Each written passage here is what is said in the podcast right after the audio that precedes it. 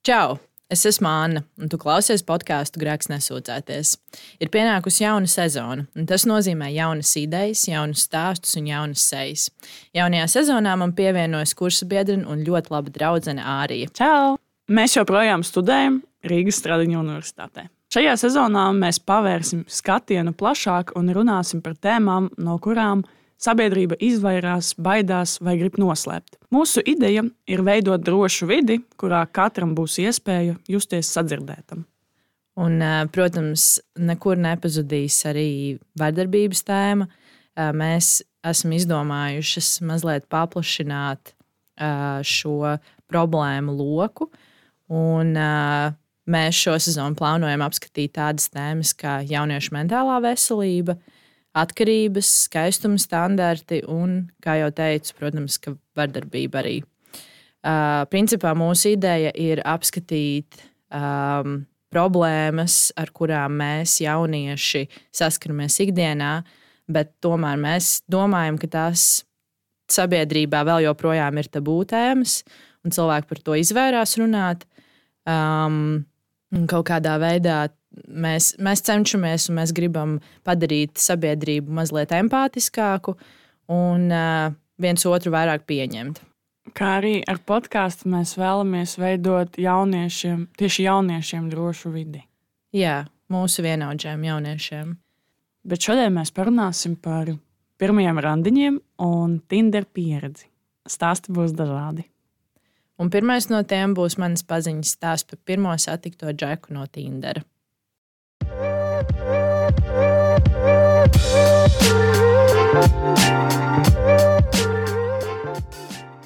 Čau! Mans vārds ir Kristiāna, un mans mērķis ir tev šodien pastāstīt par savu pašu pirmo Tinder randiņu, kas zīmīgi bija būtībā arī mans pats pirmais randiņš dzīvē.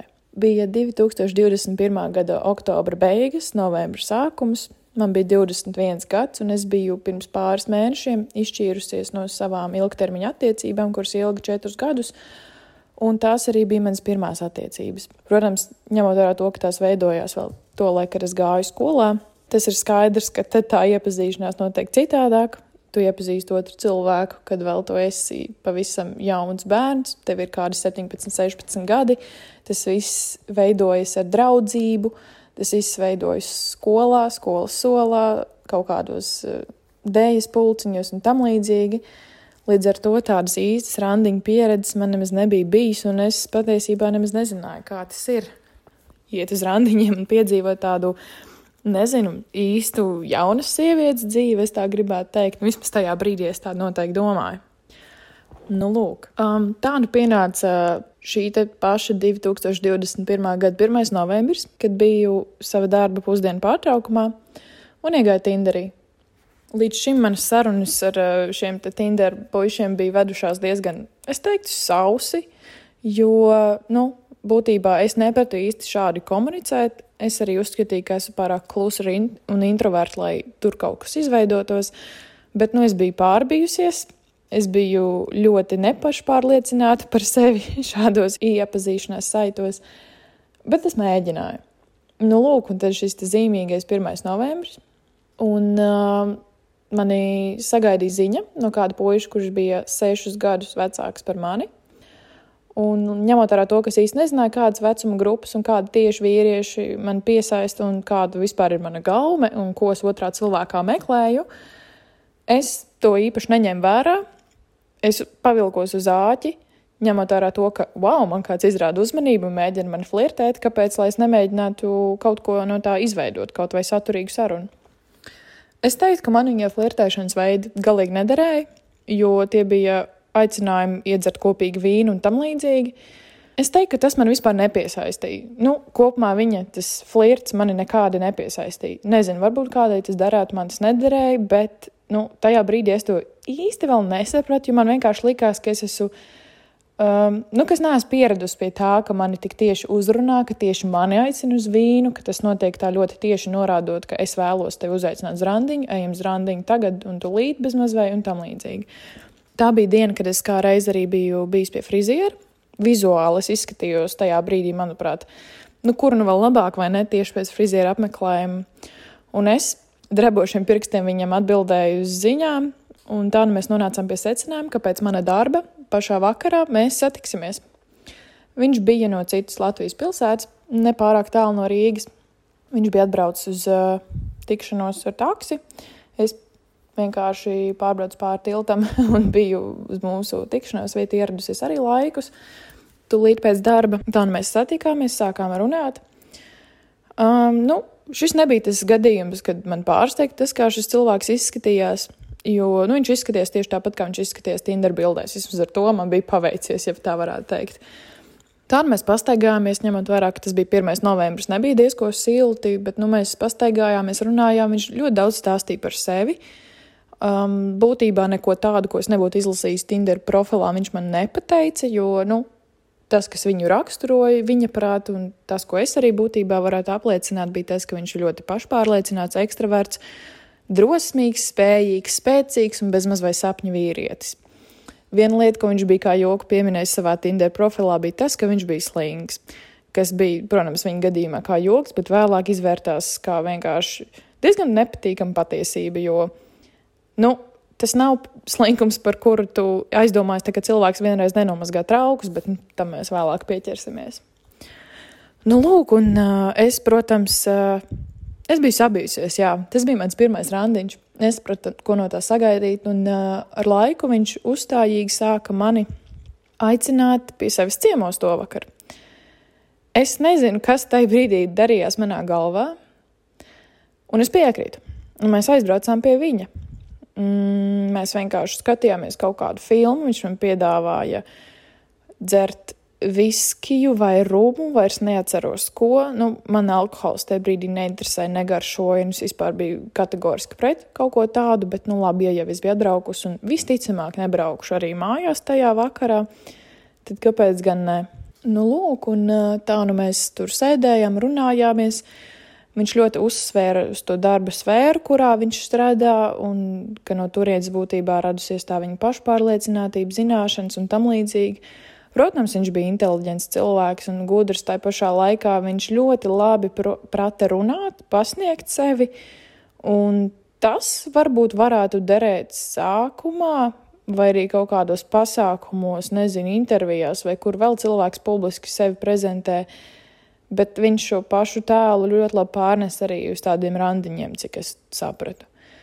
Līdz ar to diezgan labi viņš man ievilināja tajā, ka mēs sākām tikties regulāri. Ņemot vērā to, ka man pilnīgi nebija nekādas pieredzes ar vīriešiem, nekādas pieredzes ar randiņiem, un es biju diezgan tāda jēla vēl tajā visā. Es nesapratu, kas ir labs, slikts, ko man vajag, nevajag. Es pat nesapratu, kas man patīk un nepatīk. Uh, daru un nedaru un tam līdzīgi. Es diezgan ātri pavilkos uz to pirmo vīrieti, kur es biju satikusi. Zīmīgi tas arī bija tas, kur es tikko nu pat biju satikusi. Un te nu man likās, nu šis ir tā kā, jā, man satiktais vīrietis, tagad es ar viņu būšu kopā, un principā mēs tikāmies kopā pusotru mēnesi. Es regulāri braucu pie viņa, mm, viņš pārsvarā nebrauc pie manis, jo tajā laikā es īsti vēl nedzīvoju viena. Bet jā, es ļoti bieži braucu pie viņa, ļoti daudz dienas uh, pēc kārtas pavadīju pie viņa, vakaros braucot uz to pilsētu, kurā viņš dzīvoja. Tas izskatījās pēc tādām butaforiskām attiecībām, kurās es nejūtos vispār laimīga, bet es nevarēju tajā brīdī noformulēt, kas ir tas, kas man patīk, kas ir tas, kas man nepatīk. Tajā visā man likās, ka tā ir jābūt, jo es vienkārši neesmu pieradusi pie tā. Bet šis cilvēks bija ļoti labs emocionāls manipulators.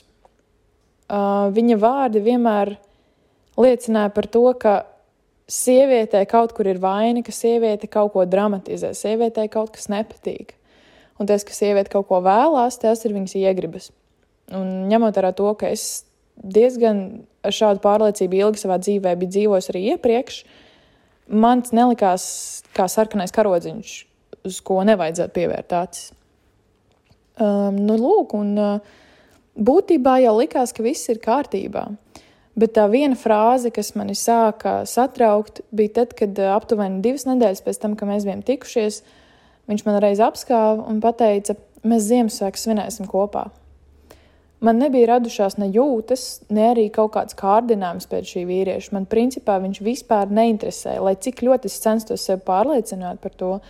Šis cilvēks man vispār, vispār neinteresēja. Nu, vienkārši nepatika. Un um, tāds turpinājās ļoti bieži. Līdz ar visām ikdienas situācijām, kur mēs kopā devāmies uz veikalu, kopumā, uh, kopā gatavojām tur vakariņas, pusdienas, tur pastaigājāmies, braucām kaut ko apskatīt, tuvējā rajonā, kur viņš dzīvoja. Neskatoties uz to visu, manī neradās tāda reāla interese par viņu, jo viņš likās tik sekls un tukšs cilvēks tikai tāpēc, ka viņš ir tikai un vienīgi piepildīts ar sevi. Šis cilvēks visu laiku meklēja apliecinājumu no citiem par savu, nezinu, prestižu, par savu inteligenci, par savu izskatu. Un tādi jautājumi, kā vai es tev liekos seksīgs, vai es tev patīku, bet ar tādu, tādu iekšēju, tādu, es nezinu, mežonīgumu un pašpārliecinātību tie tiek uzdoti. Un tad tur kā bezmazliet sadūrās divas pasaules. Vai nu tu esi pārliecināts par sevi, vai arī tu tikai izliecies par tādu uzbūvēto ilūziju par sevi, lai tu tikai radītu sievietei priekšstatu, ka tu esi šis visu varošais un spēcīgais vīrietis, lai gan patiesībā viss, ko tev vajag, ir tikai apliecinājumi no ārpasaules, kas beigās izrādījās patiesība. Šis slim, slinkuma aspekts, ko es iepriekš pieminēju, tas arī, protams, nāca par labu tam, lai vēlāk es šo visu izbeigtu un mierīgi sirdi dzīvo tālāk. Jo es sapratu, cik ļoti patiesībā tāds nevīžīgs, nekārtīgs viņš ir. Un es tomēr esmu perfekcionists, meitene, kurai patīk vismaz tīrība un kārtība kaut kādā primitīvā līmenī, es to īsti nevarēju pieņemt. Tas nenozīmē, ka tagad viņam bija jāslauga grīdas katru dienu, bet um, nu, bija lietas, kas man tomēr nepatika. Uh, un kas man likās nepieņemams. Kopumā šis noteikti nekad nebūtu bijis cilvēks, ar kuru es būtu vēlējusies veidot tādas tiešām nopietnas attiecības. Jo, principā, emocionāli tāda manipulēšana, narcistiskas, egoistiska cilvēka pazīmes un rakstura īpatnības, pašapliecināšanās, nemitīgi komplimenti, kas no manis tiek sagaidīti tāda uzvaras sajūta šī vīrieša sejā, kad viņš, nezinu, ir pārgulājis ar mani, vai ka viņam ir redz, kur jaunāka meitene, kas ir smuka, bezmaz vai un, un tur kā status viņam. Vai tiešām tas ir tas, uz kā es vēlētos balstīt kaut vai pat jūtas, nu, nedomāju viss. Man tik ļoti viņš sāka vienā brīdī riepties. Es ar viņu joprojām biju kopā, nu, it kā kopā, bet man viņš sāka riepties. Uh, Un reiz bija tā, ka uh, es viņam apsolījos palīdzēt ar vienu ļoti svarīgu lietu saistībā ar kaut kādām publiskajām iestādēm. Es viņam palūdzu viņa personas kodu, jo tur bija viens dokuments jāaizpild, un es to varēju izdarīt labāk nekā viņš tajā brīdī. Un es pamanīju, ka patiesībā viņam ir nevis 27 gadi, kā viņš man bija to stāstījis, un um, kā viņam uh, tas bija rakstīts Tinder profilā, to laiku, kad iepazināmies bet uh, viņam patiesībā bija par septiņiem gadiem vairāk. Viņam bija 30, sanāk, 4, jā, 35. Un uh, tas radīja tādu nepatīkamu sajūtu, ka reāli pa visu tam virsū vēl ir kaut kādi meli, Un izrādās, ka arī tie nebija vienīgie, jo vēlāk es atklāju, ka viņam nav automašīnas un tiesību nevis tāpēc, ka viņam vienkārši šobrīd tas nav aktuāli. Viņš visur var nokļūt ar kājām, kā viņš bija stāstījis, bet vienkārši tas, ka viņš tās tiesības bija kaut kā pazaudējis. Nu, nezinu, pinoties šādos melos un uh, saprotot, cik ļoti nepašpārliecināts šis cilvēks ir. Es nevarēju vairs izturēt to emocionālo smagumu, ko radīja vienkārši esamība ar viņu vienā telpā. Uh, Un es vienkārši kādā brīdī nolēmu to visu izbeigt. Protams, viņš jau uzskatīja, ka es esmu zaudējusi vislielāko trumpi, kāds man varētu būt. Pasakot viņam, nē, un viņam ļoti skaidri bija jāpasaka gan pa telefonu ziņām, gan sarunās, kad uh, es sievietes atpakaļ neņemu. Bet tad es sapratu, ka sievietes nemaz viņu atpakaļ negribēs tas viss uzburtais tēls, ko viņš bija uztaisījis, ir tikai kaut kas, ko viņš domā, ka viņš ir gribēts un šausmīgi patīkams vīrietis sievietēm, bet patiesībā es ar laiku, ar to pusotru mēnesi, biju sapratusi, ka šis ir vīrietis, no kāda es visu mūžu gribētu turēties pa gabalu, un šie ir vīrieši, kuri manī rada riebumu, un tiklīdz es redzu kaut nedaudz šādas iezīmes, kādos citos arī šobrīd savā dzīvē, man vienkārši iekšā kāpj nelabums. Jo Tas gan notika pirms diviem ar pus gadiem, varbūt pat bišķiņa ilgāks laiks ir pagājis, un jāatzīst, ka ļoti daudz kas ir piemirsies no tā visa. Tas, kas nav piemirsies, ir tas pretīgums un nelabums, kādu rada šādi vīrieši, ar kuriem tu it kā varētu dibināt attiecības, pazīstot viņus pusotru mēnesi vai mēnesi. Es vienkārši nekad neizvēlētos pat pirmo randiņu pavadīt ar šādu cilvēku. Jo patiesībā, nu, ir ļoti žēl, ka man tie standarti bija tik zemi, ka es tik maz zināju, ka es biju tik trūla, naiva un tik viegli ticēju visam, kas uzrakstīts Tinder profilā, un tik viegli biju pavadināma ar skaistiem vārdiem un apliecinājumiem. Jo patiesībā šis cilvēks bija ļoti tukšs es nekad neizvēlētos vairs satikt tādu kā viņš. Nu, ko tu domā arī par šo stāstu?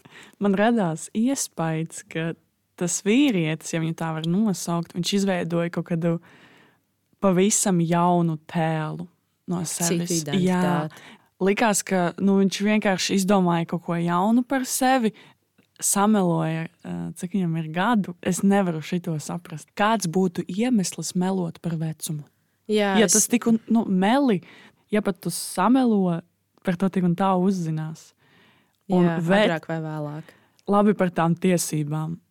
Nu, par Bet... to arī, ja tu jau pusotru mēnesi satiecies ar uh, meiteni, tad neatkarīgi no dzimuma vai kā, bet vienkārši, kad tu satiecies ar cilvēku jau pusotru mēnesi, tad tomēr tev ir. Nu, tu jūti kaut kādu uzticību viņā, vairāk vai mazāk, un tomēr tagad, pusotru mēnešu laikā var saprast, ka jā, es gribu ar šo cilvēku randiņoties ilgtermiņā. Un, uh, un tad, manuprāt, tas ir ļoti svarīgi pateikt par tādām lielām jā. dzīves lietām. Jo pazaudēt tiesības, tas ir.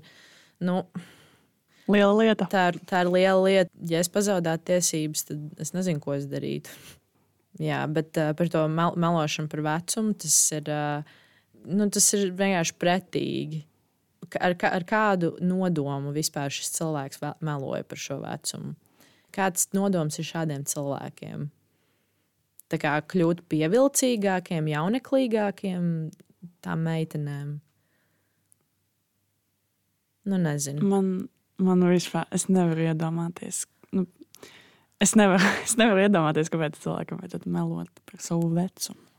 Nu, Jā. es to piekritīšu. Varbūt, uh, lai Varbūt kaut kā savu ego. Uh, jā, pacelt. Pacelt, jā. jā. Vēl par to ego pacelšanu un, un augsto ego vispār, ko arī Kristiāna stāstīja savā stāstā. Uh, tas ir kaut kas, um, tas ir ļoti interesanti, kā vīrieši vispār kopumā cilvēki spēja uzbūvēt to ideālo pirmo iespaidu.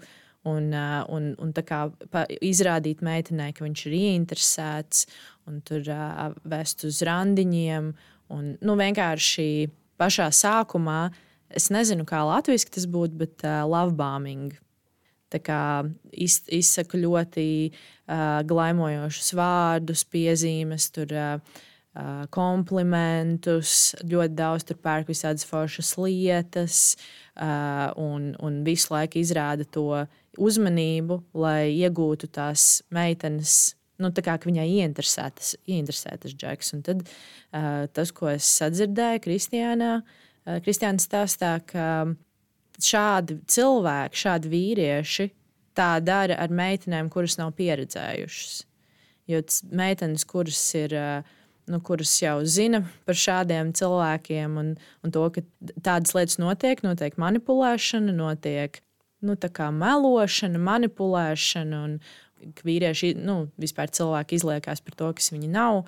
Un tad ar viņiem ir uh, grūtāk manipulēt. Un tāpēc arī parasti šādas nepieredzējušas meitenes uzķeras uz tādām manipulācijām. Un es no savas pieredzes sakot, uh, par manipulācijām.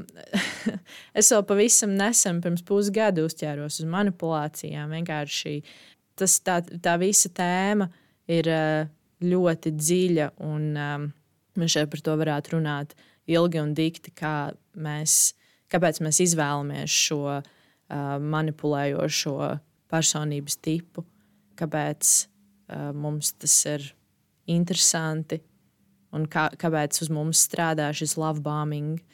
Un, jā. Man vispār, runājot par manu pieredzi, man ir 20 gadi tagad, un kad man bija man, mans pirmais randiņš tāds. Bet es nezinu, es uzreiz sapratu manipulācijas. Es nezinu, varbūt tas arī ietekmē to, cik bieži tu uh, klausies podkāstus vai cik bieži tu komunicē ar cilvēkiem. Jo manipulācijas, man liekas, var arī atpazīt ne tikai attiecībās, bet arī draugu lokos un, un, un ģimenē. Un Anna, kāds būtu tavs varbūt, ieteikums vai kādas ir tās pazīmes, kā nepieredzējušam cilvēkam, pieņemsim, 15-gadīgai meitenei, atpazīt to manipulāciju no jaunieša puses. Es neesmu speciālists. Nu, jā, bet man vienkārši- šis viedoklis interesē. Nu, jā, varbūt tas būtu ļoti plašs jautājums, vai noteiktu piemēru. par, ā, par manipulēšanu. Jā. Nu, es savā pieredzē vispār esmu ļoti uzmanīga ar cilvēkiem. Ņemot vērā visu, ko, kam es esmu izgājusi savu gadu laikā, cauri, es ļoti uzmanīgi ielaidu cilvēkus savā dzīvē. un Es, citreiz pārgalvīgi ātri ielaidu cilvēku savā dzīvē, un, un tas varētu liecināt par kaut kādu tukšumiņu sevī. Un tad tu vienkārši meklē kaut kādu veidu, kā to tukšumiņu aizpildīt. Un tad tu redz, ka, o, tev kāds izrāda interesi, un tad tev tāds, ok, es mēģināšu. Un tad tik ilgi, es, ar tik daudz un dažādiem, daudz un dažādiem vīriešiem es esmu tikusies. Un ir arī piemēri bijuši tādi, kad jā, es to tukšumu gribu aizpildīt. Es atrodu pirmo vīrieti, kurš man, nu, ne pirmo vīrieti, bet nu, vīrieti, kurš ir pievilcīgs, kurš ir, ar kuru man sakrīt intereses, kurš izrāda interesi par mani un atbalsta, tā kā šķietami atbalsta. Bet uh, pirmā lieta, ko tu vari novērot, ir uh, tas, ka viņš īsti par tevi neinteresējas padziļināti. Nu, piemēram, situācija, jūs sēžat dīvainā, skatāties televizoru, nu, es nezinu, darat ļoti kaut ko ikdienišķu. Un, piemēram, tad, kad cilvēkam ir interese vienam par otru, tad es nezinu, kaut vai tu skaties tiktu kā, un tad tāds, oh, paskaties! Tas ir, tas ir interesanti. Vai arī, hei, ko tu domā par šo lietu? Mm, Vai vienkārši jūs nezinu, braucat mašīnā un tad pēkšņi, hei, ka, tu man tur stāstīji, ka tu rakstīji esēju, mm -hmm. kā tev gāja tajā esējā. Nu, kaut, nu, šī tādas kaut kādas mazliet. Parāda to, ka to reāli tas cilvēks rūp. Jā, ka viņam interesē, kā, hei, kā tev patiesībā iet. Mm -hmm. un, un ko tu patiesībā, kāds ir tavs pasaules redzējums par lietām, ka, cilvēki, nu, ka tas interesē. Un, nu, ar šo cilvēku nu, ta- tas ļoti bieži izpaudās, kad tu sēdi, tu stāsti kaut ko rītīgi interesantu, kas tev šķiet interesants. Viņam tāds, oh, jā, interesanti. Un tad nekas neturpinās. Tas bija mans monologs, un viņš beidzies, un tagad viss. Viņš it kā tevi tur samīļo un saka, tur jau pēc pirmās nedēļas saka, ka viņš tur mīl tevi un ko tur, ko tur vēl ne. Uzķert to, tās tavas vājības, kas. Um, nu, kas, kas tev varētu kā, samīkstināt. Mm. Kaut kādas vājības tevī, aiz kurām aizķerties un, un samīkstināt tevi. Tavas vājās puses. jā, un ieraut tevi tajās Jā. attiecībās tādā veidā, ka tu, tu jūties tā, ka tu nevari bez tā cilvēka. Nu, jā, varbūt tā arī ir tā pazīme, ka tu jūties, ka kaut kas nav pareizi, iekšā ir kaut kāda nepatīkama sajūta, bet uh, tu īsti nevari iedomāties, kā to izbeigt. Jo tu saproti, ka nu, tu iekšā ir sajūta, ka tu šo cilvēku, ka tev šis cilvēks patīk, bet, um, bet tu, ne, nu, tu nevari izskaidrot, kāpēc tev viņš patīk. Piemēram, veselīgās attiecībās tu varētu pateikt, uh, ka man patīk, ka viņam ir labs humors, vai man patīk, kā viņš rūpējas par ne tikai mani, bet pat arī pret apkārtējiem cilvēkiem, vai viņš ir, uh, nezinu, nu, vien- vienmēr sakot, tu vari konkrēti izdefinēt lietas, kas tev šajā cilvēkā patīk. Bet toksiskās attiecībās tev, tev, šis, tev, tev vienkārši ir tāda iekšēja sajūta, ka, tev, ka, tu ši, ka tu bez šī cilvēka nevari iztikt. Tu īsti nevari definēt, kas tev šajā cilvēkā patīk un kas tev pievelk.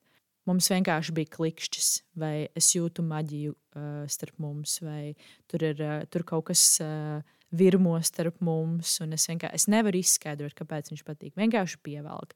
Nu, tad šīs būtu kaut kādas um, tās lietas, uz kurām raudzīties uzmanīgāk. Ka, nu, ka, ja tu nevari nodefinēt, ar ko šis cilvēks ir man ir briesmīgi teikt to, bet ar ko šis cilvēks ir vērtīgs tavā dzīvē, vai kādu vērtību viņš pienes tavā dzīvē, vai kāpēc tev vajag, ka šis cilvēks ir tavā dzīvē, ka tev viņš patīk, kaut kādas skaidras lietas, tad um, nu, jāsāk izvērtēt, cik veselīgi šīs attiecības patiešām ir un cik ļoti tam otram cilvēkam tu tiešām rūpi. Man arī bija viena tāda pieredze, kad, eh, kad puisis man pajautāja, kur es strādāju. Man bija tāds, es strādāju kafejnā. Pēc kaut kāda laika, tas nezinu, divām, trīs dienām. Man pieņems, viņš pajautā, kur tagad es ko dari. Es uzrakstu, ka esmu darbā. Un viņam ir reāli tāds, pagaidi, kur strādā. Es atbildu, ka kafejnā. Un tad mēs vienu dienu, kad mēs bijām ārā, mēs gājām garām vienai slimnīcai. Un tas puisis zināja, ka es mācos Stradiņu universitātē, kaut arī es teicu viņam, ka es mācos par nu, žurnālistiku. Un mēs ejam garām slimnīcai, un viņš jautā, pagaidi, tu te strādā? Man tāds, ko? Es strādāju kafejnā. Viņš tāds, man likās, ka strādājot slimnīcā, jo tu studē stradiņos. nu, tas bija. Kad viņš man otru reizi pajautāja, kur es strādāju, man bija tāds, nu, ka, nu, tas likās tik ļoti. Es nezinu, man nu, bēdīgi. Nu, vienkārši bēdīgi. Tagad, atceroties to, man reāli. Nu, es vispār neinteresēju tam cilvēkam. Tā kā trīs reizes pateikt, kur es strādāju, un pateikt, nu, es arī teicu, ka es mācos žurnālistiku, un padomāt, ka es strādāju slimnīcā. Nu, tas, tas ir ļoti bērnišķīgi, un es nezinu, kāpēc. Es tā kā to piefiksēju, bet es to palaidu garām. Man bija tāds, nu, varbūt, nu, varbūt viņam viņš piemirsa. Nu, un tā kā es viņu maksimāli centos attaisnot, tā ir mana kļūda. Nu, jā. Tāpēc, ka vēlāk izvērsās ļoti interesanta pieredze ar to cilvēku. Jā. Tu vēlēsies par to pieredzi pastāstīt mums? Nu, es nevaru, man, man tagad ir kaut kādi stresa smiekli, jo atceroties to, man, es nezinu, tas bija vienkārši ļoti, ļoti dīvaini. Un tas, ka tā bija mana pirmā pieredze ar satikšanos ar puisi, kas man simpatizē. Viss sākās ar to, ka es to puisi jau pazinu, jo mums bija kaut kādi kopīgi Draugu grupa. Nu, neteikšu, ka drauga grupa bija kopīgas uh, nodarbes. Intereses. Jā, mums kaut kā apvienoja tas. Un tad uh, es par viņu īstenībā jau biju aizmirsusi. Un vienā dienā es viņu, laikam, pagājušā gada ziemā, es viņu satiku autobusā. Man liekas, wow, ļoti simpātisks puisis. Pirmais, kas iepatikās, bija viņa izskats. Un tā kā es rakstu draudzenei, oh, my God, es viņu redzēju. Un viņai tāds, nu, pieskaņo viņam Instagram. Es viņu atradu Instagramā, es viņu piesakoju, nekas nenotiek. Pēc kāda laika es pamanu, ka viņš bieži noskatās manus stāstus Instagramā. Man liekas, nu, tas laikam viņam patīk. Un tad pienāk vasara. Ah, un pirms tam, pirms vasaras, bija tā, ka es ziemā viņam vienu dienu uzrakstīju privātu īziņu.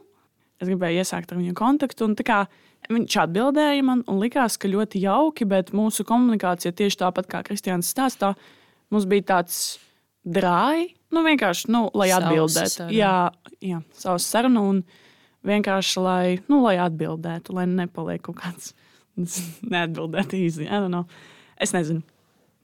Tad pienāca vasara, un bija tā, ka tad viņš man uzrakstīja eh, direktā, Instagramā, pajautāja manu snapčatu. Es iedevu, jo viņš man patika, un, protams, ka es viņam iedošu to snapčatu. Labi, tad mums no, notiek kaut kāda komunikācija. Nu, likās, ka viņš nedaudz flirtēja snapčatā, un um, man jau bija tāda sajūta, ka es viņam patīku, ka es viņam simpatizēju, un um, varbūt mums varētu kaut kas sanākt. Kā Man bija tāds domas. Nu, viņš ļoti spēlējās īstenībā ar mani, tāpēc, ka viņš vienu brīdi viņš mani noņēma no snapčata. Tāpēc, nu, pasakot, ka man jāpievērš studijām. Man bija tāds, nu, labi, mācies, ok. Bet kā tas to traucē, es nezinu. Bet, nu, tas jau likās dīvaini. Pēc kāda laika es viņu jau, man bija tāds, nu, labi, es viņu pievienošu, varbūt viņš man pievienos atpakaļ. Viņš man pievienoja, mēs sākām komunicēt, viņš uzzināja, kurā nu, mēs dzīvojām vienā rajonā, vēl joprojām dzīvojam. Un uh, viņš man ir pasaucā ārā. Es piekrītu, man bija tāds, jā, ejam. Viss um, es tieši biju pēc darba atnākusi, un viņš man raksta. Pats interesantākais, ka tas viss notiek vēl joprojām Snapchatā. Viņš vēl nav pajautājis man numuru. Un tas, tā kā viņš man raksta. Klausies, ko tu domā par to, lai iedzertu? Tā, tas bija piekdiena. Man bija tāds, nē, es nedzeršu man rīt uz darbu no paša rīta. Viņš tāds, ah, nu labi. Tad es arī nē.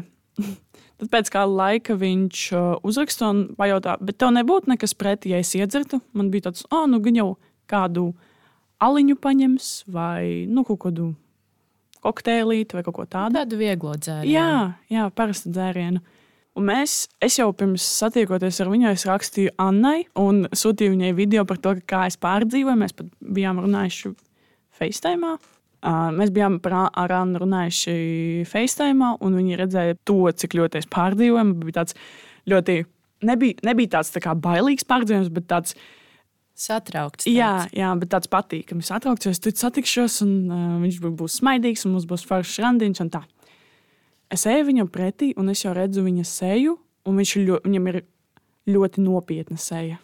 Tā kā es eju ar to foršo sajūtu, ka tur būs forši, mēs parunāsimies. Un viņam ir ļoti nopietna seja. Man, jau tāds, nu, pagaidi. Es viņam tā kā mēs uh, satiekamies, tur apskaujamies, un um, es viņam jautāju, nu, kas, kas ir, kāpēc, kāpēc, tik, kāpēc tāda seja? Viņš saka, tāpēc, ka es vienmēr nopietns esmu. Man, man uzreiz tā, tā kā mans mūdiņš nedaudz pazeminās. Es jau sāku saprast, ka nu, kaut kas kaut, likās kaut kas dīvaini. Tad viņš sāka ļoti daudz stāstīt par sevi. Man arī nebija problēma viņu sadzirdēt, un man bija interesanti uzzināt par viņu kaut ko vairāk. Un, um, bet bija tā, ka viņš kaut ko stāsta, stāsta. Es vēlējos kaut ko pateikt, bet pasakot to, viņ, viņš tā kā nedeva kaut, kādas, kaut kādu atgriezenisko saiti. Viņš vienkārši sadzirdēja, nu, vai nesadzirdēja, ko es pateicu. Un, turpi, jā, un turpināja tālāk kaut ko runāt. Tas, tas bija visu randiņu. Kā, nu, es nejūtos arī sadzirdēt īsti. Man, man vienkārši man arī nebija problēma viņu klausīties, bet uh, bija nepatīkami dažreiz. Bet, nu, tad viņš izvelk savu dzeramo un Es ļoti atvainojos, ka es smējos. Vienkārši es nevaru, tas li liekas viss tik komiski un stulbi. Viņš izvelk šņabi. Tā kā piekdienas vakara tūsa vai Jā, it kā viņš, nu labi, viņš neizvelk litru, bet 0,3, bet uz vienu cilvēku. Viņš tā kā man jautā, kā tu domā, man to tīrajā dzert, vai man ieiet veikalā un paņemt kaut ko iedzert? Man tāds, ak, Dievs! Viņš ir uh, no citas planētas. Lūdzu, nē, lūdzu, nevajag. Labi, mēs aizējām. Viņš, es, protams, pasaku, nē, tā kā vajag kaut ko iedzert. Un viņš nopērk iedzeramu, un tad mēs ejam, kaut ko runājam. Viņš bieži, ka, kad viņš kaut ko stāstīja, viņš varēja pieminēt savas bijušās attiecības vai bijušās meitenes, kas viņam patika. Nu, tas likās arī nedaudz dīvaini, ka viņš runā ar meiteni par savām bijušajām. Un kāpēc viņš nav ar viņām kopā, jo viņas ir tādas un tādas. Tā kā vienkārši aprunā savas kaut kādas draudzenes, jā, bijušās. Jā, tad mēs staigājām, un viņš dzēra, un ar katru, nu, ar katru brīdi viņš palika jo jautrāks un jautrāks, jo tuvāks un tuvāks. Nu, Fiziski. Jā. Ah, es neteiktu, ka tas bija uzmācoši. Tas, tas nebija. Tas bija tāds nedaudz apskāva. Tā kā man nebija nekas pret to. Bet vienkārši man nepatika tas, ka viņš tajā laikā bija piedzēries. Jo man likās, ka viņš kaut kādi tādi apskāvieni būtu ļoti forši. Ja, nu, ja viņš nebūtu piedzēries, jo dažreiz, nu, ja cilvēks piedzēries, viņam ir kaut kāda savādāka uztvere. Nu, jā, viņš jau radīja to priekšstatu par sevi, kad viņš ir piedzēries. Ka viņš satiek kādu meiteni, aiziet ar viņu kaut ko, kaut ko fizisku, intīmu. jā, un intīmu. Runājot par to, ko viņš stāstīja par savām bijušām attiecībām. Es nezinu, vai tās bija attiecības. Viņš vienkārši teica, ka Viņam nekas nesanāca, jo tā meitenei bija labākais draugs. Tas puika, ar ko es satikos, viņš tai draudzenei pateica, lai viņa izvēlas viņš vai labākais draugs, jo viņam nepatika, ka viņas labākais draugs ir puisis. Es, to, viņš tā kā man pajautāja manu viedokli, ko tu par to domā. Man bija tāds, nu, tas, ka tu liki viņai izvēlēties, tu vai draugs, tas ir sarkanais karodziņš. Viņš tāds, ah, nu, laikam, laikam tad tev arī ir labākais draugs, ja tu tā saki. Man tāds, nē, vienkārši tāpēc, ka tā ir manipulēšana. Varētu, Jā, tā ir manipulēšana. Un, um, nu, es vēlējos izteikt savu viedokli, kāpēc tas nav red flag, ka meitene ir labākais draugs, kad viņa ir attiecībās. Bet nu, viņš pateica, ah, nu, tu esi tāda pati. Tāda pati kā viņa. Man tāds, ah, nu, labi, es vienkārši, es vienkārši neturpināju neko teikt. Es neko neteicu un vienkārši to palaidu vējā. Jau bija vēlāks, jau ne, viņš arī bija vairāk piedzēries. Viņš visu 0,3 izdzēra viens. Ah, un pirms tam es viņam, kad vēl viņš nebija tik ļoti piedzēries, viņš izdzēra kaut kur mazāk par pusi vai pusi. Un es viņam teicu, kā, varbūt tu beigsi jau dzert, nu, tā kā nevajag. Es negribu tevi mājās nest, un nu, es vienkārši gribu. normāli. Jā, lai tu esi skaidrā, mēs pirmo reizi tiekamies. Nu, viņš kaut kā vienkārši pajokoja par to. Viņš ir tāds, nu, nu beidz, nu, es to tādu izdarīšu, visu un viss. Tā nevajadzēs mani vest mājās. Tā kā, nē, es tevi aizdīšu mājās.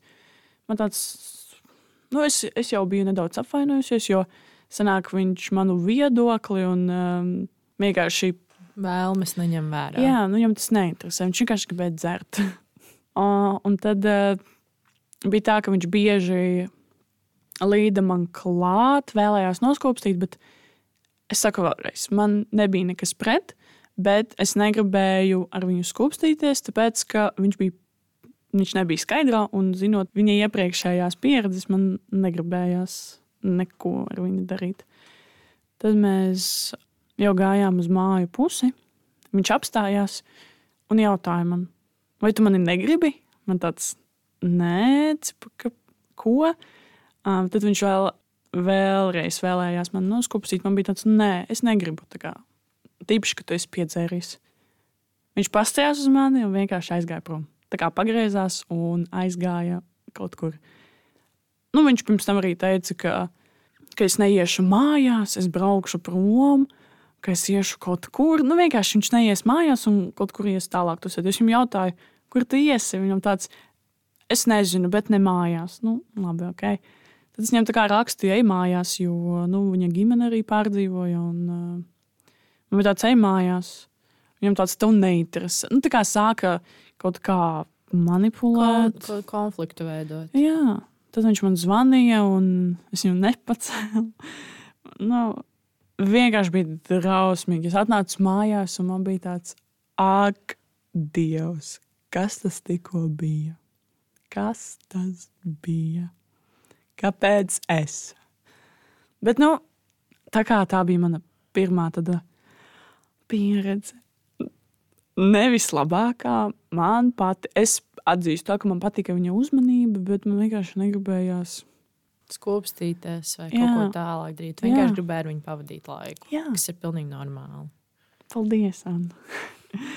nu, tā otrā reize, kad mēs satikāmies, nebija nekas īpašs. Viņš vienkārši paņēma un iedzert lodi. Nepiedzērās, bet tas, ka viņš paņēma lodi, jau liekas ļoti interesanti un sarkanais karodziņš.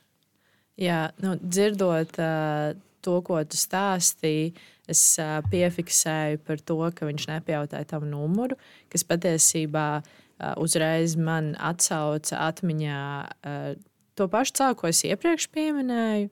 Uh, mēs sarakstījāmies Tinderī sākumā. Un pēc tam uh, viņš pajautāja, laikam, man Instagram. Mēs Instagramā no, sarakstījāmies, mēs satikāmies.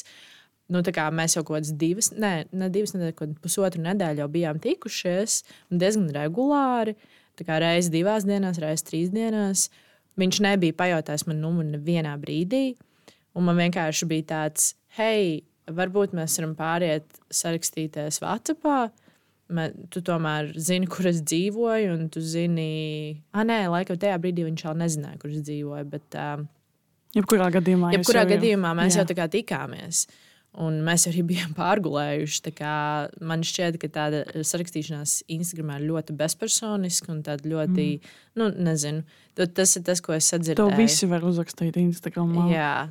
Un arī no, ar numuru tu vari piezinīt tam cilvēkam. Jā. Ja nu kas, ja tev vajag ļoti steidzami viņa palīdzību vai kaut kā tam līdzīga, tad, nu jā. tas bija tāds uzreiz red flag, Jā. sarkanais karodziņš.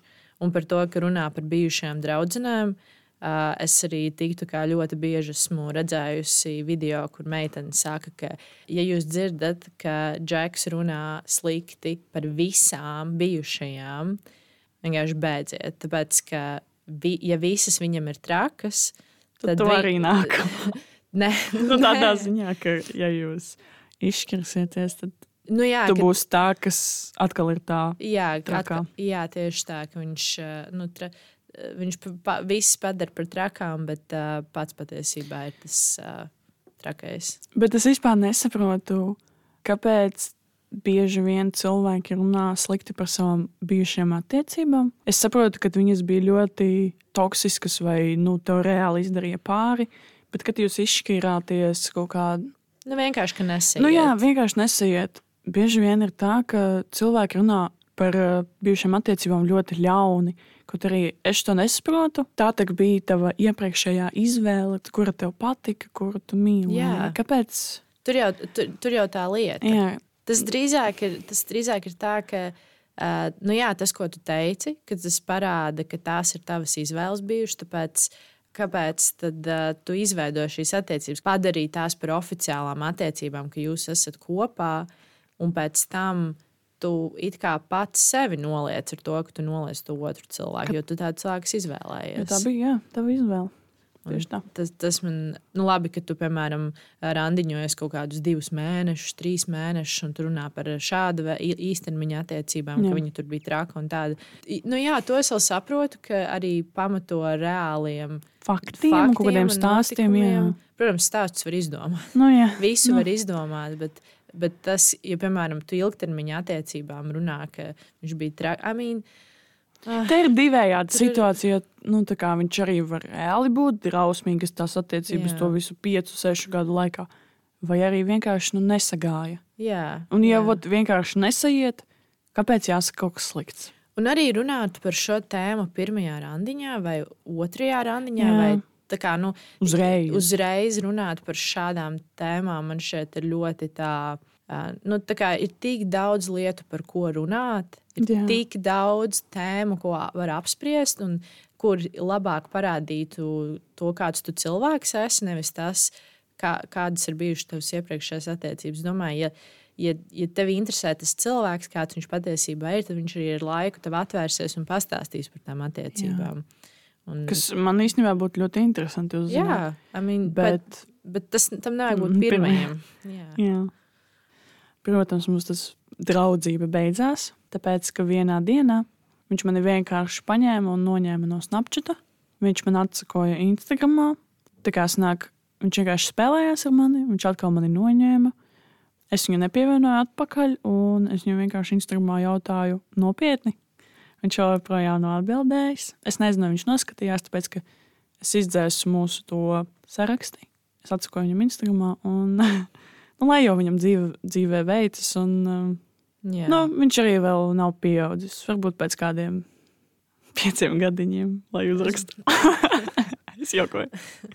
Nē, nevajag, paldies. Man pietika. Nu, tev ir vienkārši tāda veiksmīga, veiksmīgas ugunskristības, lai, un pēc tam arī tu reflektē par to, kas tev patika, kas tev nepatika. un Tu vari mācīties no tā, ko tu tā, tā, nākotnē sagaidi no tā cilvēka, otra, kur tu gribi randiņoties. Jā, tāpēc, ka nu, man īsti nav tādas attiecību pieredzes, bet man liekas, ka esmu ļoti tajā visa izvēlīga diezgan. Jo es arī, nu, zinu, kā skatījos ļoti daudz romantiskas filmas, kur tur vienmēr vīrietis ir kā īsts vīrietis, eh, kā princis. Un, eh, tas arī varbūt nostādīja manus standartus, kā arī klausoties uh, kaut kādus podkāstus, pirms grēks nesūdzēties pirmo sezonu. Visi tie piemēri man arī kaut kā parādīja, kādam nav jābūt vīrietim.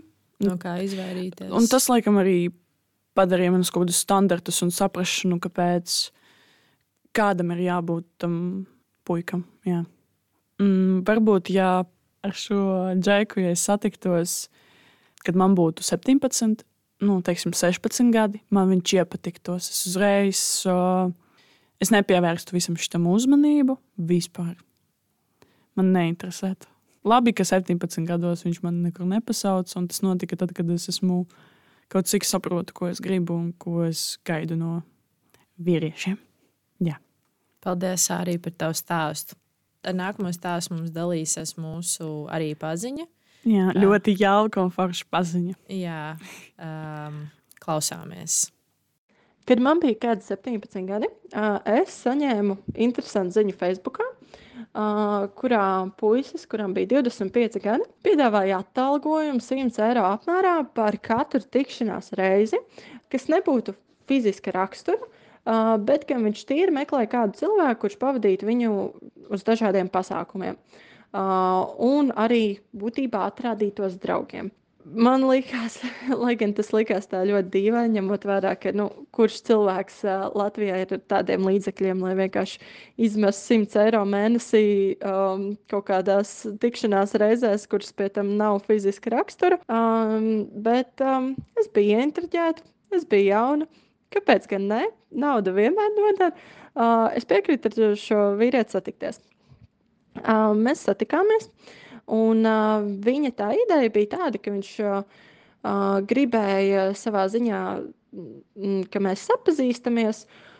Uh, un uh, nodibināja kaut kādu kontaktu, lai tie viņa draugi patiešām noticētu, ka mēs esam kopā un uh, liktu viņu mierā uh, ar jautājumiem, kāpēc uh, tu neesi ar kādu sācis tikties. Jo viņa attaisnojums bija tāds, ka pirms uh, pāris gadiem dzemdībās uh, ir nomirusi viņa uh, mīļotā sieviete, kopā ar uh, nedzimušo bērnu. Uh, kā rezultātā šī visa trauma ir bijis iemesls, kāpēc viņš vēl pēc nu, diviem, trim gadiem uh, nav atsācis ar kādu tikties un arī nemeklē attiecības. Taču viņa draugi viņam pārmetot, un uh, viņš nolēma, ka, ja viņš samaksā kādai meitenei, lai tā izliktos par viņa uh, meiteni, tad tie draugi liktu viņu mierā. Uh, Lai gan šis stāsts izklausījās pēc kaut kā, ko tu redzētu kādā Holivudas filmā, man bija interesanti. Es nolēmu paklausīties. Uh, viņš stāstīja, ka viņš darbojās uh, autosfērā uh, un ka viņam ir pašam savs bizness. Un uh, tajā dienā viņš man piedāvāja, ka nu, sāk līt, uh, vai es tev aizvedīšu, sanāk, uh, būtībā randiņā uz savu vecā, sanāk, uz cēsīm. Man tur strādā draugs. Uh, kaut kādā trasē, vai, uh, respektīvi, ielaidīs pēc uh, darba laika beigām šajā trasē, un mēs varēsim pabraukt, kāds tev varēs kaut ko parādīt. Um, tas izklausījās, nezinu, interesanti. Līja lietas, nu, kāpēc gan ne? Um, es piekrītu. Uh, viņš apsolīja, ka viņš arī man atvedīs mājās un, uh, un ka viss būs kārtībā. Um, mēs aizbraucām uz tām cēsīm, bet trasa bija slēgta, un tas draugs uh, vēl viņiem nebija atbildējis. Un tā kā šim vīrietim bija dzīvoklis, vecāku dzīvoklis cēsīs, viņš man piedāvāja aizvest uz šo dzīvokli. Uh, nu, es jau atrados random cēsīs, uh, nepazīstam vīriešu mašīnā, nu, ko man bija darīt. Es pateicu, jā. Mēs aizbraucām uz to viņa vecāku dzīvokli, un uh, viņam tur bija šampanietis, un viņš tā kā piedāvāja mums iepazīties, papļāpāt. Tā kā mēs sākām kaut ko pļāpāt, es gan burtiski padzēros vienu malciņu no tā šampanieša un pēcāk nedzēru. Un kad, jo man bija bails, ka ja nu viņš ir sazāļojis vai kā, jo tā situācija vienkārši bija pārlaika dīvaina, es nolēmu mm, vienkārši atturēties, un tā kā viņš redzēja, ka es esmu tik ļoti stīva, uh, viņš piedāvāja, ka mums vajadzētu pamēģināt izlikties, nu, kā tas būtu, ja mēs būtu tas pāris. Nu, pamēģināt, tur uh, viņš gribēja man noskūpstīt un tā. Uh, es, protams, atteicu, un es vispār uz kaut ko tādu nebiju piekritis, lai arī cik tumi tas izklausās no šodienas skatu punkta. Es kārtīgi izvairījos no šīs situācijas.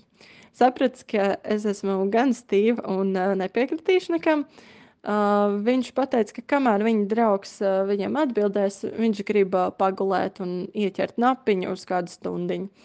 Nu, es jau tā atrados uh, random dzīvoklī Cēsīs, uh, un pie tam nevis pašā centrā, bet ārpus centra. Es, uh, kamēr viņš gulēja, skatījos telefonā, cik tālu man būtu um, līdz uh, mājām. Uh, bet problēma bija tāda, ka tā kā tas bija ārpus Cēsī mazliet, un šajā mirklī jau tuvojās vakars, un jau bija, man liekas, ap 11 vairāk vienkārši negāja neviens autobuss. Tāpēc es biju iesprostot, un man bija jāgaida, ka viņš man aizvedīs mājās. Kamēr es tā spriedulēju un sēžu telefonā, meklēju kaut kādu, kā tikt mājās, es pamanu, ka sēga man blakām sāk kustēties. Un, uh, kamēr es biju sēdējis telefonā, uh, viņš izlikās, ka viņš guļ un sāka sevi apmierināt. Nu, liek teikt, es jūtos ļoti, ļoti neveikli. Uh, es absolūti nezināju, ko darīt šajā situācijā. Un uh, nolēmu vienkārši izlikties, ka es neko neredzu. Bet, uh, jā, tas viss beidzās ar to, ka pēc uh, kaut kādām 15, 20 minūtēm man it kā bija jāmodina, ka viņš bija teicis, ka viņš tikai gribētu celties. Un tā kā viņš bija beidzis savus pasākumus, es pabakstīju viņu, teicu, ka nu, mums jābrauc mājās, un nu, ka ir jau vēls, tad draugs nav zvanījis un tā. Un uh, viņš piekrita man par laimi aizvest mājās. Uh, labā ziņa, es netiku izvarot šajā vakarā, un uh, uh, es acīm redzot, tikšu mājās. Mēs iekāpām tajā mašīnā, pa ceļam uz Rīgu. Viņš man vēl sāka stāstīt par to, ka viņam ar draugu esot kaut kāds bizness, kur būtībā viņš visus savus brīvos līdzekļus pārsūta tam draugam, kurš nodarbojas ar, kurš būtībā ir banķieris un veic visādus ieguldījumus, un nu, ka viņš ļoti prasmīgi šo savu darbu dara un būtībā nopelna divreiz vairāk nekā ir ieguldīts. Un, uh, viņš man piedāvāja šajā iesaistīties, nu, ka viņam tas ir labs draugs, un nu, es varētu piemēram, viņam pārskaitīt 100 eiro. Uh, un tad um, viņš varētu man dubultot vai pat trīskāršot šo naudas summu, uh, kas man tajā brīdī likās pavisam smieklīgi. Jo būtībā vēl, ja neizdevās uh, dabūt nekādas fiziskas uh, uh, izpausmes no manis, tad viņš vismaz centās man iesaistīt um, kaut kādā būtībā piramīdas schēmā vai kā, un uh, kaut kādā veidā izkrāpt no manas uh, finanses. Atgādināšu vēlreiz, ka man bija 17, un nav tā, ka es būtu ļoti, ļoti bagāts cilvēks šajā vecuma posmā. Um, bet, lai nu kā, braucām tajā mašīnā, vienā brīdī viņš saka, ka viņam uh, ir jāsavāc uh, māsas mašīnu un jāizved uh, viņai tā, tāpēc vienā mirklī uh, nu, viņš man izlaidīs un pārsēdīsies uh, uz citu mašīnu, aizvedīs mani mājās. Labi. Viņš man izlaiž uh, jūglā, kaut kādā mazā šķērsieliņā, pie poģīša, jeb uh, pie durvīm uh, kādai mājai, uh, un aizbrauc. Nu, labi, es pagāju kaut kādu pusotru minūti, un es redzu, ka tur no tās gaisa, vietas nekādas gaismas netuvojas. Uh, Un tagad es ieju Facebookā, es esmu nobloķēta. Viņam bija arī, man bija viņa numurs. Uh, viņš man bija nobloķējis gan WhatsApp, gan pa telefonu, respektīvi, viņš visās vietās man bija nobloķējis. Un tajā mirklī, ja nemaldos, bija jau kaut kāds pusdienas vai viens naktī, un es atrados uh, kaut kādā jūglas uh, random uh, šķērsieliņā, kur bija ļoti tumšs, pie kaut kādas random ēkas. Par laimi, es vienkārši izsaucu taks, nokļuvu mājās. Uh, Uh, bet morāls šim stāstam ir tāda, ka meitenes nemeklējiet savu uh, cukurpapus, uh, nopelniet savu naudu pašas. Un, uh, cik es skatījos, pēc tam šis pats vīrietis, uh, es viņu pēc pāris gadiem atradu arī Tinderī, pēc tam vairāk kārtīgi. Un pie tam viņš ar mani samačoja. Uh, es speciāli gribēju viņu nomačot ar domu, ka varēšu viņam uzrakstīt, vai tad tiešām man neatceries. Mums bija mečs, Uh, es viņam uzrakstīju, vai tad tu tiešām man neatceries? Jā, viņš man ne automātiski atmačoja. Cik es dzirdēju, man vēl pāris meitenes bija atsūtījuši viņa profilu, ka viņš arī bija līdzīgi tekstu rakstījis viņām. Nu, kāpēc es biju tik stulba un piekrita ar viņu satikties, es īsti nezinu. Noteikti, ka man kaut kādā mērā urdīja zinkārība, uh, bet um, par laimi man paveicās, ka šis beidzās uh, tik nevainīgi, kā tas beidzās. Es jau klausos šo stāstu otro reizi, un man vēl joprojām nepietiek vārdu un to, cik šokēties esmu klausoties šo stāstu. Jā, es, es arī vispār klausoties šo stāstu, eh, es varu ļoti asociēties ar šo, šo stāstu un šo cilvēku.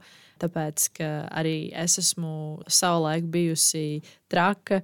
Gatava piedzīvojumiem. Jā, vienkārši atvērta piedzīvojumiem, viskaut kam interesantam un jauniem cilvēkiem. Pārgalvīgam arī, um, arī jauniem cilvēkiem, protams. Un tad uh, nu, vienkārši tā uz, uzdrīkstēšanās piekrist šādam piedāvājumam. Varbūt es nebūtu bijusi tik traka.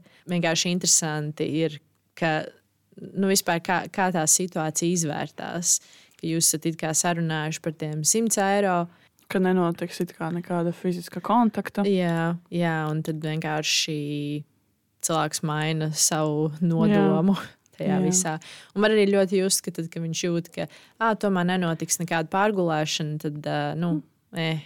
Nu, vienkārši sanāks viņu ieraut biznesā. Jā, un tas nesanāk, un tad atstāja vienkārši jūglā jā, kaut kur. Kas, nu, varbūt ir labi, ka viņš neaizveda viņu līdz mājai, jo tad viņš zinātu, kur viņa dzīvo. Varbūt viņš arī paņēma viņu no mājām. Jā, varbūt, bet tas ir drausmīgi. Vienu vārdu sakot, tas ir drausmīgi, ka tā notiek, un es nezinu, pirms varbūt kaut kur doties, vienmēr, ja tas ir nepazīstams uh, vīrietis, tad pirms kaut kur doties, un ja viņš ir daudz un krietni vecāks, es domāju, jāpasaka, jāatsūta savā atrašanās vieta draugiem. Būtu vēl labi, ja pateiktu vecākiem, lai vecāki par to zina. Un, um, nu, ja jūs notiekat šādā situācijā, tad es domāju, ja jūs esat tajās cēsīs, tad tajā laikā, kad tas vīrietis guļ, tad es nezinu, zvanīt policijai un teikt, ka atbrauciet lūdzu man pakaļ, es esmu citā pilsētā, man vajag uz mājām, un man neviens neved. Un, Jā, es jā. domāju, ka, ja izstāstīt visu situāciju, tev obligāti palīdzēs. Un, nu, jā. nu, ja nesanāk uh, pasaukt, nu, piemēram, vecākus, lai tev atbrauktu pakaļ, vai draugus, tad nu, jāzvanā kādiem valsts dienestiem. Nu, piemēram, manā pieredzē ar Tinderī es uh, vienmēr uz randiņiem ar jaunu cilvēku ņemu līdzi piparbaloniņu. Uh, mm. Tikai un vienīgi tāpēc, ka es nekad nevaru zināt, ar ko es satikšos. Paldies Dievam, man šo pīpāru baloniņu nav bijis jāpielieto. Un noteikti arī agrāk, es, tad, kad es aktīvāk ar Tinderī mm -hmm. randiņojos, tad uh, es arī katru reizi atsūtīju savai draudzenei mm -hmm. uh, ielu, mājas numuru un arī dzīvokļu numuru. Jā. Un pateicu viņu vārdu un uzvārdu. Un Man šeit vienreiz arī viņa numuru aizsūtīju mm. draudzenei vai viņa Instagram vai kaut ko tādu. Nu, vienkārši tā kā viņi jau zina. Viņai to nebūs jāizmanto, bet vienkārši tā drošības. Jā, ka tu kāds palīdzēs. Kad tu zini, ka kāds vēl par to var zināt, un tu, nezinu, tu pasaki, Jā. uh, ja es tev neatbildu pēc pusstundas, tad, nu, nezinu, zvan maniem vecākiem vai nu, kā, kaut, kaut kā tam līdzīga. Mm -hmm. Kas patiesībā tas ir ļoti baisi par to domāt, ka mums meitenēm ir jābūt, nu, vismaz manā pieredzē, un ko es arī esmu dzirdējis no citiem, tas uh, parasti ir meiteņu vidū, mm. ka tev ir. Tas ir kā pašsaprotami, ka mums ir jābūt gatavām uz kaut kādiem ekstrēmā, ekstrēmām jā, situācijām. Jā. Un tas man šķiet uh, pilnīgi crazy. tas man šķiet tik šausmīgi, ka tas ir mūsos jau iekšā. Jā, jā. Ka mums, ah, nu jā, tas pašsaprotams, ka es draudzē aizsūtīšu to vietu, jo, nu jā. Īstenībā man jau, zināt, to situāciju, kad jūs ejat mājās, ir pavisam tumšs, un jūs skatāties piecas reizes vienkārši līdz mājai, ejot, skaties uz aizmugurē, jums kāds neiet aizmugurē. Jā. Un, ja iet, jums sākas kaut kādas, kaut kādas bailes, ka jūs jau turat atslēgu starp pirkstiem, un tā kā jūs esat gatavi sevi aizsargāt, bet nu, nekas nenotiek. Bet tik un tā tās bailes, ka kaut kas var notikt, viņas ir kaut kur dziļi sirdī. Kāpēc, kāpēc tā varētu notikt? Kas tieši? Um, kāpēc meitenēm? Kāpēc jau no pašas bērnības īstenībā, jo man bērnības laikos man arī bija tā, ka es sadzirdēju to stāstu par imantas pedofīlu. Es, kad vakaros pēc treniņiem gāju mājās, kaut arī es nedzīvoju tajā laikā Rīgā, es gāju mājās un vienu vārdu sakot, es biju ļoti maziņa. Un, uh, kad es gāju no treniņiem, es vienmēr skatījos uz atpakaļ, uz aizmuguri, lai kāds neiet man pakaļ. Un Dievs pasargīja, lai tur nav tas imants pedofils. Jo tieši ziņās bija teikuši, ka, ka viņš nav tikai Rīgā un ka viņš uh, maina savu izskatu, un man bija paniskas bailes no tā. Vienkārši man ir ļoti interesanti uzzināt, uh, ko tu par to domā. Tad, kad es biju kaut kādi desmit gadi, varbūt man bija varbūt 11, 12, nu, mm. apmēram tajā vecumā. man bija simpātija skolā. Uh, viņš bija laikam klasi jaunāks. Mm. Un, uh, viņš dzīvoja tieši blakus manai mājai. Nu, principā, nezinu, ar kājām trīs minūtes no manam, mm. kā, manai kāpņu telpai. Un uh, viņu, es nezinu, kāpēc, bet viņu mamma ieslēdza mājās, kamēr viņa devās uz darbu. Mm. Bet, nu, labi, nu, 11 gadīgs, 10 gadīgs bērns. Nu, Lai neatver nevienam durvis. Nu, jā, nu, tagad no mūsdienu skatījuma, no šī brīža skatījuma, kādā es tagad vecumā esmu, es kā varētu būt viņa arī saprast to. Um, nu, jā, un tad es vienkārši vakaros gāju pie viņa loga un mēs vienkārši runājāmies. Un viņš tur rādīja man savus kāmīšus, un savus kaķīšus, un ko tur kaut kādas savas maidzīvniekus. Mēs vienkārši tur runājāmies, kā jau bērni. Un es atceros vienu vakaru, uh, es stāvēju pie loga. Mēs runājāmies, un pēkšņi pie manis pienāca kaut kāda sieviete un uzmācās man. Un man uzreiz, es uzreiz sastingu, jo es nezināju, ko tajā brīdī darīt. Mm -hmm. Un tas, tas puisis, viņš man tikai teica, ej projām, ej Jā. projām, jo viņš jau nekādi nevar man palīdzēt. Jā. Viņš teica, ej projām. Un es vienkārši man bija tāds, ok, es, es atnācu apakā realitātē un es aizskrēju uz mājām, bet viņi tā kā reāli nāca un vēra vaļā savu mēteli. Tas bija, nu, bija kaut kāds novembris, varbūt decembris. Tā bija ļoti traumatiska man pieredze Jā. ar, ar šādu, šādu gadījumu. Un tā galvenais bija sieviete. Tas, man, tas bija vēl bailīgāk. Man šeit nemaz saviem vecākiem to neizstāstīju. Nu, jā, nu, kaut kāda tāda pieredze. Un, nu, man, ir, man vēl ir arī bijusi pieredze par to, ka mēs ar uh, draugu bijām aizgājuši uz koncertu. Tad man jau bija kaut kādi 16 gadi. Kaut kā tā. Mēs bijām aizgājuši koncertu vakarā no plādījuma, gājām uz 13. janvāra ielas pieturu, mm -hmm. lai brauktu apakaļ uz Pārdaugavu. Un, uh, mēs ejam pa tādu saliņu, tādu zālienu, kas ir uh, tur, kur tās sliedas kru, krustojās nu, pie vecrīgas, tur tieši iet sliedas. Un, uh, mēs gājām pa to pļaviņu, uz to pieturu, un pēkšņi pie mums pienāk klāt bezpajumtnieks. Uh, pienāk pie mums un sāk kaut ko jautāt. Viņš šeit jautāja, cik ir pulkstenis vai kaut kas mm -hmm. tam līdzīgs. Tad tajā brīdī, kad es uh, ņēmu rokās telefonu, viņš sāka vilkt bikses nost. Un uh, man draudzene paņem mani stingri aiz rokas un saka, Anna, ejam prom ejam prom. Un es vienkārši es atkal sastingstu, un es nezinu, ko darīt. Uh, un labi, ka man bija draudzene, viņa paņēma manās piedurknes un vienkārši vilka projām. Mēs vienkārši ātrumā gājām prom no tās situācijas. Un, jā, mm. tas, tas arī bija viens traumatizējošs mm. pasākums, kas notikās. Bet, nu, es, nezinu, es arī bieži sastopos ar kādiem dīvainiem cilvēkiem uz ielas. Ir tādi, kas tu vienkārši ej garām, un tur ir kāds. Vīrietis, kuram patīk dzert. Un bieži no viņiem tu sadzirdi kaut kādus izteicienus, oi, tu tik smuka, tu tik skaista, tu tik vienīgā. Viņiem izliekas, liekas, ka tas ir ļoti piesaistoši. Izkliedzieni, izteicieni. Tu vienkārši paiet garām un tu ignorē. Bet tik un tā tas atstāja kaut kādu, nu, kaut kādu nepatīkamu sajūtu, ka tev, ka tev vienkārši negaidīti kaut kas sāk liekt par tevi un tavu izskatu. Man bija arī viens atgadījums, Es gaidīju pieturā savu draugu, un no cita tramvaja izkāpa ārā viens vīrietis, kurš izskatījās ļoti aizdomīgi. Un, tā kā es sēdēju uz tā soliņa, viņš pienāk man nedaudz klāt, kaut kādu trīs metru attālumā. Viņš vienkārši apstājas un sāk skatīties uz mani. Es sēžu telefonā un es jūtu, ka nu, es redzu viņa siluetu. Es paceļu galvu, viņš sāk smaidīt un skatīties man tieši acīs. Man paliek bail, jo viņš skatās uz mani. Nu, ne, nav tā, ka viņš skatās kaut kur man caur mani, vai es nezinu. Man paliek bail, es pieceļos un aizēju uz nākamo soliņu, kas ir kā, tur ir divas pieturas blakus, un es aizēju uz nākamo soliņu, kas ir daudz tālāk. Tas vīrietis, viņš man iet pakaļ. Viņš tieši tāpat turpina uz mani skatīties, kaut ko smaidīt. Apkārt ir cilvēki, bet viņi īstenībā nepievērš uzmanību, ja viņš neko nekliedz, bet viņš skatās un turpina iet man pakaļ. Es jau domāju, nu, nē, šis nav normāli, es tikai iešu prom. Es aizēju tur tālāk, pagriežu tur uh, uz uh, tilta pusi, un nu, tāda maza gājēja tilta. Es stāvu tur, un es redzu, ka viņš iet man pakaļ un stāv uz tā pagrieziena uz to tiltu, un vienkārši skatās uz mani. Un es nezinu, ko tajā brīdī darīt. Es vienkārši kā, maksimāli neskatos uz viņu, jo es negribu viņu redzēt. Viņš kaut ko tur pastaigā, pastaigā. Viņš neiet man tālāk pakaļ. Paldies, ka viņš negāja man tālāk pakaļ. Viņš kaut ko pastaigāja. Tad viņš kaut kur, es nezinu, viņš vienkārši izzuda, pazuda, un tad es sagaidīju draugu. Nu, viss labi beidzās, bet vienkārši tā, tas bija ļoti baisi. Tāpēc arī no šīm situācijām arī mums uh, rodas tās bailes. Jā, jā. Uh, un, un es arī visiem saviem draugiem iesaku nopērciet pīpāru baloniņu tikai un vienīgi tāpēc, ka, lai viņu nebūtu jāizmanto.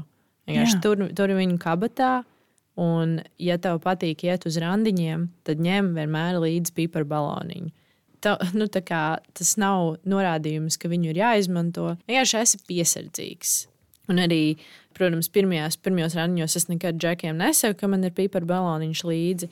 Bet citreiz, piemēram, ja mēs nākamajā randiņā aizējām kaut kur iedzert, vai nu, tā, tā atmosfēra ir tāda brīvāka, tad es arī uh, nu, saku, ka uh, arī, ja, piemēram, saruna aizvedās līdz tam, kā tu, mm -hmm. kā tu ir pieredze bijusi iepriekš vai kaut kā tam līdzīga ar uh, randiņošanos Tinderī. Uh, Tad es arī saku, ka es vienmēr ņemu līdzi pīpāru baloniņu. Un ļoti bieži šī, šie džeki arī saka, ka tas, ir ļoti, mm. tas ir ļoti labi, tas ir ļoti apdomīgi. Un uh, tiešām mums apkārt ir uh, daudz, daudz visādu um, nejauku, nejauku cilvēku.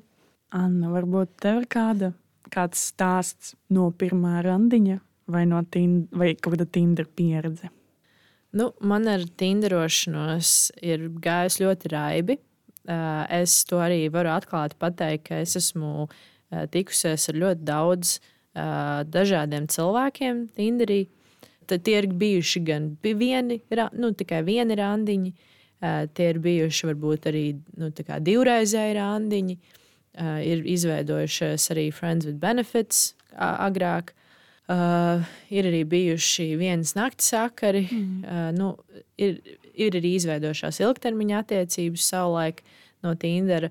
Un, nu, tā pieredze man ir bijusi visāda, bet vienu stāstu es varbūt varētu izstāstīt. Es par to arī nedaudz minēju pagājušajā gadā, kādā sērijā. Es neatceros, kurā sērijā, bet uh, es arī nedaudz pie, pieminēju šos, šo cilvēku un manu šo pieredzi. Uh, bet, nu, principā, jā, man šķiet, ka tas arī, es arī šo cilvēku tikko šajā epizodē pieminēju, kad es runāju par manipulāciju. Uh, tajā laikā, kad mēs iepazināmies, tas bija pagājušā gada nu, drīzāk teikt, šī gada janvāris, pagājušā ziema. Mums studijās bija ļoti ilgs pārtraukums, mums nenotika lekcijas. Man arī bija tāds jau atslābums sevī, un, un arī tāds bišķi dzīves pagurums. Ir ziema, ir tumšs, eh, nav sniega, eh, ir, ir, ir žļurga uz mm. ielas, mm. un, un tā noskaņa ir ļoti mm. depresīva, ļoti nomākta. Un uh, es sapratu, ka man nav, nav īsti ko darīt, tā kā es varētu atkal atsākt randiņoties. Uh, nu, lūk, un tad es, uh, es aktīvi arī apmeklēju sporta zāli. Tad man, man piesaista vīrieši, kuri arī apmeklē sporta zāli. Tev nevajag uzreiz mm. būt uh, muskuļu kalnam, bet vienkārši tas, ka tu dodies uz sporta zāli, tu nodarbojies ar aktivitātēm, un tas man ir ļoti svarīgi jo tas tā ir ļoti liela daļa no manas dzīves. Un, nu jā, un tad es ieraudzīju, ka viņš ir bodybuilders, jeb kultūrists, latviešu būtu. Un man uzreiz tas piesaistīja, tas likās interesanti. Tad mēs ar viņu sākām runāties. Un mēs satikāmies. Pirmajā randiņā mēs aizbraucām skatīties saulrietu, kā, bet tas, tas saulrietis bija viss sliktākais saulrietis, kādus jebkad savā dzīvē esmu redzējusi. Nu, iedomājieties, ir ziema, ir lielupe, lielupes krasts. Uh, un viss vis debesis ir māku, nu, mākoņu sagā. Mm -hmm. Ir vienkārši bieza mākoņu saga, un pie paša, paša apvārsnīša var redzēt knapi dzeltenu līniju. No, nu, cute, no. Nu. Tas bija. Mēs, mēs abi pasmējāmies par to, ka mēs nekad neaizmirsīsim šo saulrietu, cik viņš bija slikts. Bet, nu jā, ne par to. Nu jā, bet uh, arī jau ko, kā arī, piemēram, Kristiānis stāstā varēja dzirdēt, uh, un arī ko es iepriekš teicu, tad uh, viņš ļoti labi prata nu, ievilināt tajā visā, varbūt iežēlināt arī mani būt ar viņu kopā, jo viņš arī viens sarkanais karoks, ko es varētu izcelt. Ka viņš sākumā, kad mēs tikko sākām sarakstīties, draudzēties, tad viņš teica, ka viņš nesen izšķīries ar savu draugu. Es prasīju, cik nesen viņš teica, divas nedēļas. Un tāds mm. upsideizi, tas ir ļoti maz. Tad man bija tāds, nu labi, nu, satikšos. Kas man ir ko zaudēt? Vienu reizi satikties. Viss ir ok. Nu, jā, un tad mēs satikāmies, redzējām to saulrietu, un pēc tam mēs izdomājām, ka mēs gribam skatīties filmu. Un tad es speciāli braucu uz savām mājām pēc datora, jo viņam dators bija remontā. Uh, nu, viņš man aizveda līdz mājām, es aizgāju pakaļ datoram, mēs pēc tam aizbraucām pie viņa. Uh, noskatījāmies filmu, šeit, kas arī paliku pie viņa, vai es aizbraucu mājās. Es neatceros. Mm -hmm. Bet, nu, vienā cikot, mēs, viņš bija ļoti uzstājīgs par to, ka viņš grib skatīties ar mani filmu. Un man tāds, nu, labi, nu, uh, tu man piesaisti, ar tevi ir interesantas sarunas, mm -hmm. uh, tu esi okay. diezgan atvērts. Uh, kāpēc mēs nevaram skatīties filmu? Mēs pirmajā reizē nepārgulējām, bet man šeit, jā, viņš man aizved pēc tam mājās. Mēs nepārgulējām, bet uh, pēc tam, kā jau es iepriekš teicu, mēs bijām kaut kādu pusotru mēnesi, mēnesi randiņojāmies jau no paša sākuma. Pēc pirmās nedēļas viņš teica, ka viņš man mīl. Uh, wow, un, skaļi vārdi. Jā, jā, tas uzreiz man bija tāds sarkanais karoks, ka nē, man tas nedara. Uh, tad es atceros, bija mūsu pirmais uh, strīds, ja tā varētu teikt. Mēs divas nedēļas bijām tikai uh, tikušies. Un, un tā kā es gāju, es eju aktīvi uz sporta zāli, viņš aktīvi iet uz sporta zāli, un mums bija tāds, hei, mēs varētu uztaisīt uh, džim randiņu. Bet es viņam teicu, ka, nu, nu jā, bet uh, es pēc tam gribēšu braukt mājās, mm -hmm. uh, jo es neesmu ilgi pavadījis laiku ar saviem vecākiem, un es gribu vienkārši nu, pavadīt laiku ar vecākiem. Un viņš man uz to atbildēja, uh, nu labi, tad skrien pie savas mammītes. Un, un tajā brīdī man bija tāds ārprāts, vai tu esi reāls cilvēks, kas, kas to saka. Uh, un tajā brīdī es biju ļoti oh dusmīga, uh, ļoti aizkaitināta tā, tas džina randiņš bija ieplānots nākamajā dienā. Tad es, nu, es biju dusmīga, mēs tur izkliedzāmies viens uz otru. Nu, nevis kliedzām, bet nu, sarakstījāmies kaut kādu mm. stundu, pusotru eh, par to visu uh, situāciju. Es viņam visu laiku teicu, ka, hei, uh, es vienkārši gribu saprast, no kurienes tas nāk. Es tev saku, ka tas man liek justies slikti, ka tu man tā pateici. Un tad viņš teica, ka uh, no sērijas patiesība kož acīs vai kaut kas tamlīdzīgs. Vienkārši sakot, tā bija saruna, kas neveda nekur. Jā. Jo viņš uh, uzskatīja, ka es viņu nedzirdu, uh, jo viņš manis dēļ dara tik daudz, un ka es pat nevaru vienkārši pēc tam aizbraukt ar viņu mājās un pačlot, ka bija plāns, ka mēs brauksim pačlot pie viņa un tā tālāk. Un tajā brīdī es domāju, tu, vai tu esi bērns vai tu esi kas? Man šeit viņam ir 25 gadi vai 24 nav svarīgi. Eh, drusku vecāks par mani. Nu, jā, un tad eh, es viņam teicu, ka uh, mums vajag obligāti pēc, uh, nu, kā, ja mēs gribam iet uz uh, sporta zāli kopā, sportot, tad mums pirms tam obligāti ir jāizrunā šo visu klātienē. Es arī pirms tam biju sataisījusi veselu pusotru vārdu lapu ar savām pārdomām, ko es par šo situāciju domāju. Es vienkārši esmu tāds cilvēks, kuram patīk sev panalizēt mm. un izprast labāk kaut kādas situācijas. Tāpēc arī es citreiz rakstu savas pārdomas. Un, uh, es viņam šo visu nolasīju. Viņš bija ļoti pateicīgs. Viņš teica, ka viņš neko tādu nav nekad saņēmis no meitenes un tā tālāk. Un, uh, tad viņš atzinās, ka viņš ir melojis man, un viņš ar savu bijušo draugu bija izšķīries dienu pirms mēs satikāmies, vai divas dienas. Nu, Varētu sakot, nu, tā kā tikko nu, pavisam, pavisam jēli. Mm -hmm. Un, te, tas man likās ļoti nepieņemami. Man tas uzreiz, ta, tas uzreiz bija tas, kas sašķēla bišķi man to uzticību šajā cilvēkā. Nu, ne bišķi, bet diezgan sašķēla. Viņš arī pirmajā, pirmajās dienās, pirmajās reizēs, kad mēs satikāmies, viņš uz, uzsvēra, ka viņš ir savu bijušo draugu. Man tāds es nezinu, kāds mm. bū, kād, kāda ir jābūt situācijā, lai es pieņemtu to, ka to ar savu bijušo draugu, ar kuru tu esi bijis kopā divus gadus vai trīs gadus, vienkārši uh, turpini. Un it īpaši, ja tu vēl runā visādas uh, negatīvas lietas par šo cilvēku. Vai ka tas cilvēks tur ir greizi, un ka viņi tur lūdzās apakaļ, un ko tur, ko tur. Un ko man darīt. Man tāds, es nezinu. Mm. Vienkārši nekontaktējies ar šo cilvēku. Ja tu esi izdarījis izvēli, ka jūs vairs negribat būt kopā, tad ne, nevajag Jā. turpināt kontaktēties. Priekš kam? Un tas viss beidzās uh, vienkārši, ar, vienkārši tajā brīdī, kad es sapratu, ka uh, šis cilvēks ir toksisks. Tā kā es arī, piemēram, tam ter terapeitam stāstīju par šo cilvēku, ka mūsu sarunā, nu, vispār kā mēs kontaktējāmies, man bija sajūta, ka tā ir tāda pasaule, kurā aizbēgt no reālās pasaules. Ka laika pavadīšana ar viņu ir kā izbēgšana no savām problēmām. Mm. Tad, kad mēs ar viņu pavadām laiku, man ir tāda sajūta, ka tu aizver durvis uz ārpasauli un tu nonāc tajā iekšpasaulē, kur nav nekādu problēmu, kur ir nezinu, tikai atpūta, kaut kādas bērnišķīgas uzvedības un vienkārši tād, nu, tāds muļķīgs jauneklīgums. Tāda sajūta, ka tu atgriezies kaut kādās, nezinu, 15, 16 gadīgā bērna domāšanā un aizbēdz no tās pieaugušo pasaules. Un tad vienā brīdī, tad, kad mēs atgriezāmies studijās un sāku atkal iet uz lekcijām, tad es sapratu, cik ļoti mēs esam atšķirīgi un cik ļoti mēs atšķirīgi skatāmies uz pasauli, un cik ļoti man nedara šī aizbēgšana no pasaules, un ka es vienkārši centos aizpildīt to tukšumiņu, ko es arī mhm. iepriekš biju minējusi.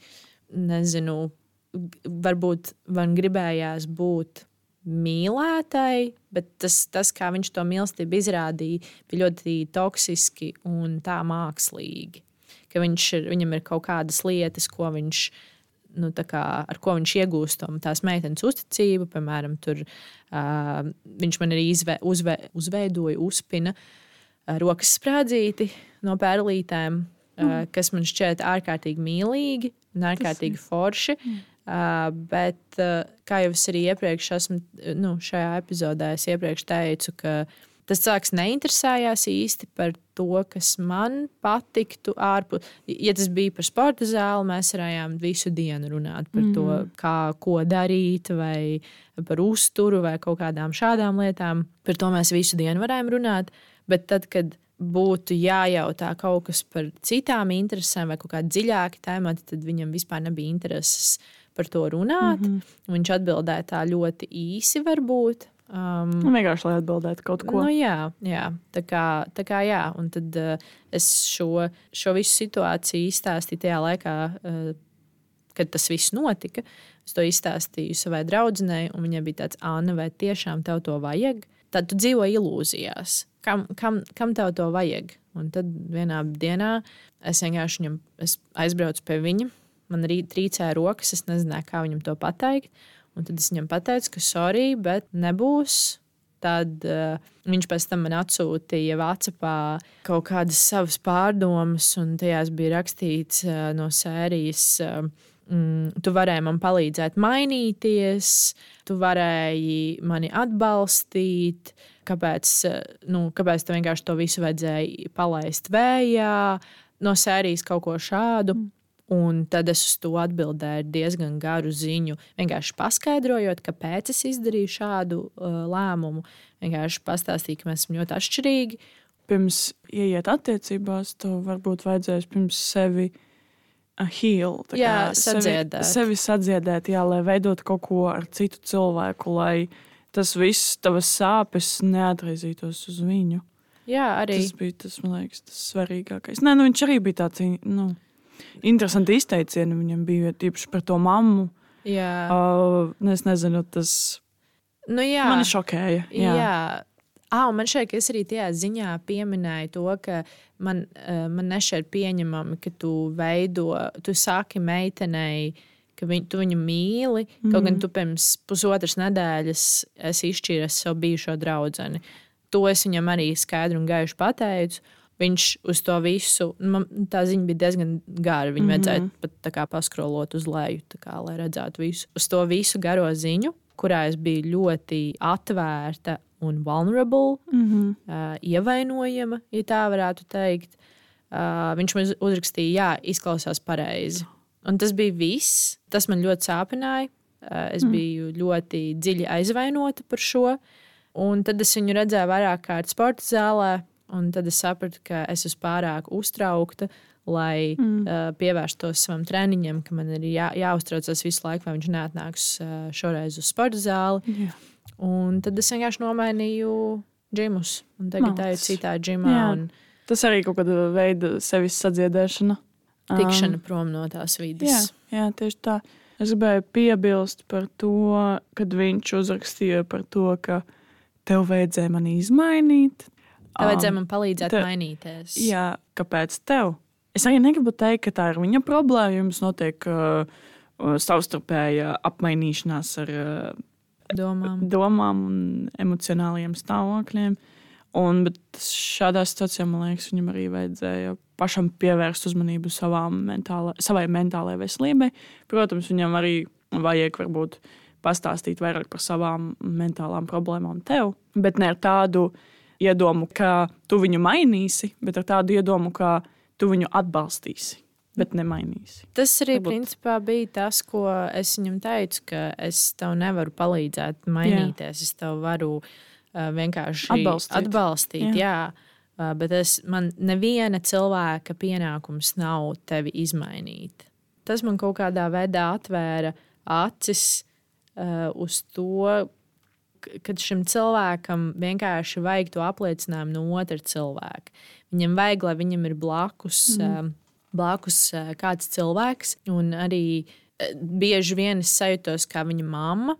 Mm. Nevis tā, ka man ir jāvācās viņa, bet vienkārši, ka viņam nav bijusi tā mammas mīlestība bērnībā, un tagad viņam pārāk daudz vajag to mīlestību dabūt. Viņam vajag daudz pieskārienus, viņam vajag, ka, nu, ka atzīst, ka viņš ir labs cilvēks, ka, ka viņš ir noderīgs cilvēks.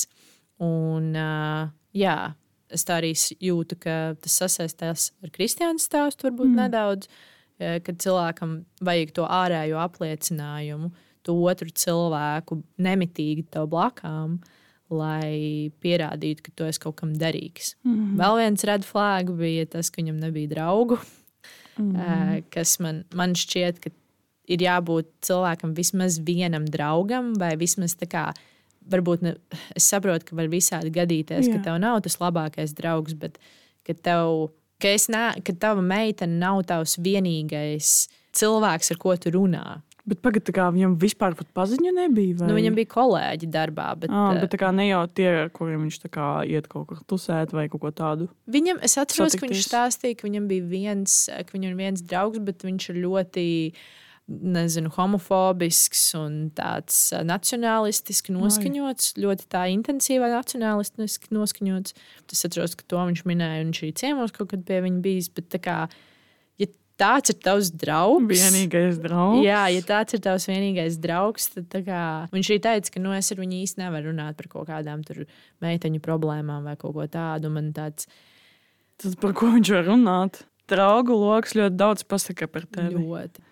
Tā kā eh, šāds ļoti haotisks, bet šāds ir uh, mans stāsts par vienu no sliktākajām Tinder pieredzēm kopumā. Un, Paldies, tev. un, un tas arī notika jau pusotru gadu pēc manas šķiršanās no ilgtermiņa attiecībām, kurās arī notika manipulācija. Un ir, vienkārši man pēc tam bija ārkārtīgi liela pārdzīvojuma par to, ka es vēlreiz izvēlējos šādu cilvēku savu blakām un ka es pieļāvu to, ka viņš ir manā lokā, ar kuriem es kontaktējos ikdienā. Ļoti, viņš ļoti daudz enerģijas no manis paņēma. Jā.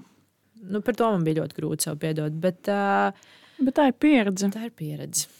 Tu nevari dzīvot visu dzīvi ar kaut kādām ideālām attiecībām vai ideāliem draugiem. Vienmēr būs kaut kas, kas parādīsies, un tev būs tāds ārprāts. Kāpēc es? Jā, Bet- jā. Bet nezinu, es vienmēr uztveru to pieredzi.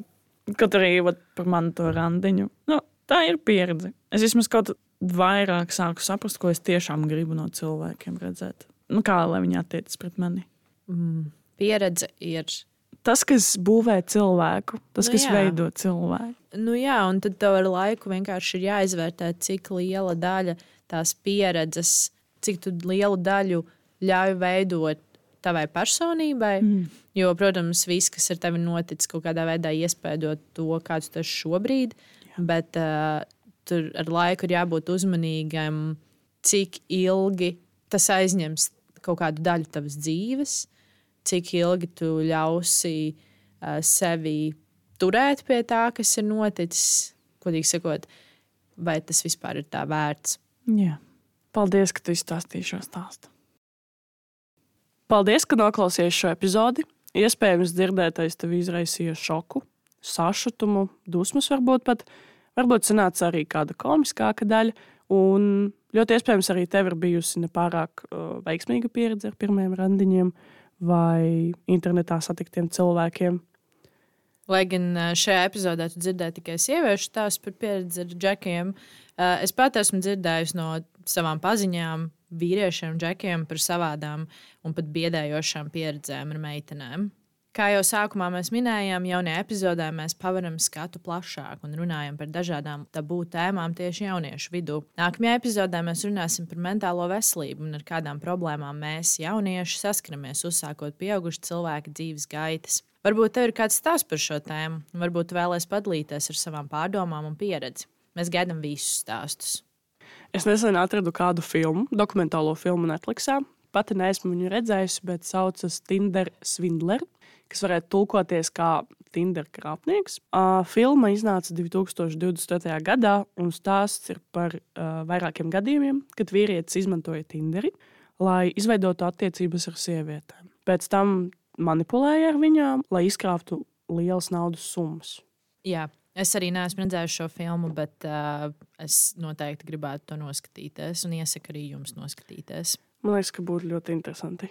Jā, vēlreiz paldies, ka noklausījāties. Lai tev izdosies un forša diena, un tiekamies pēc mēneša. Čau! Tā!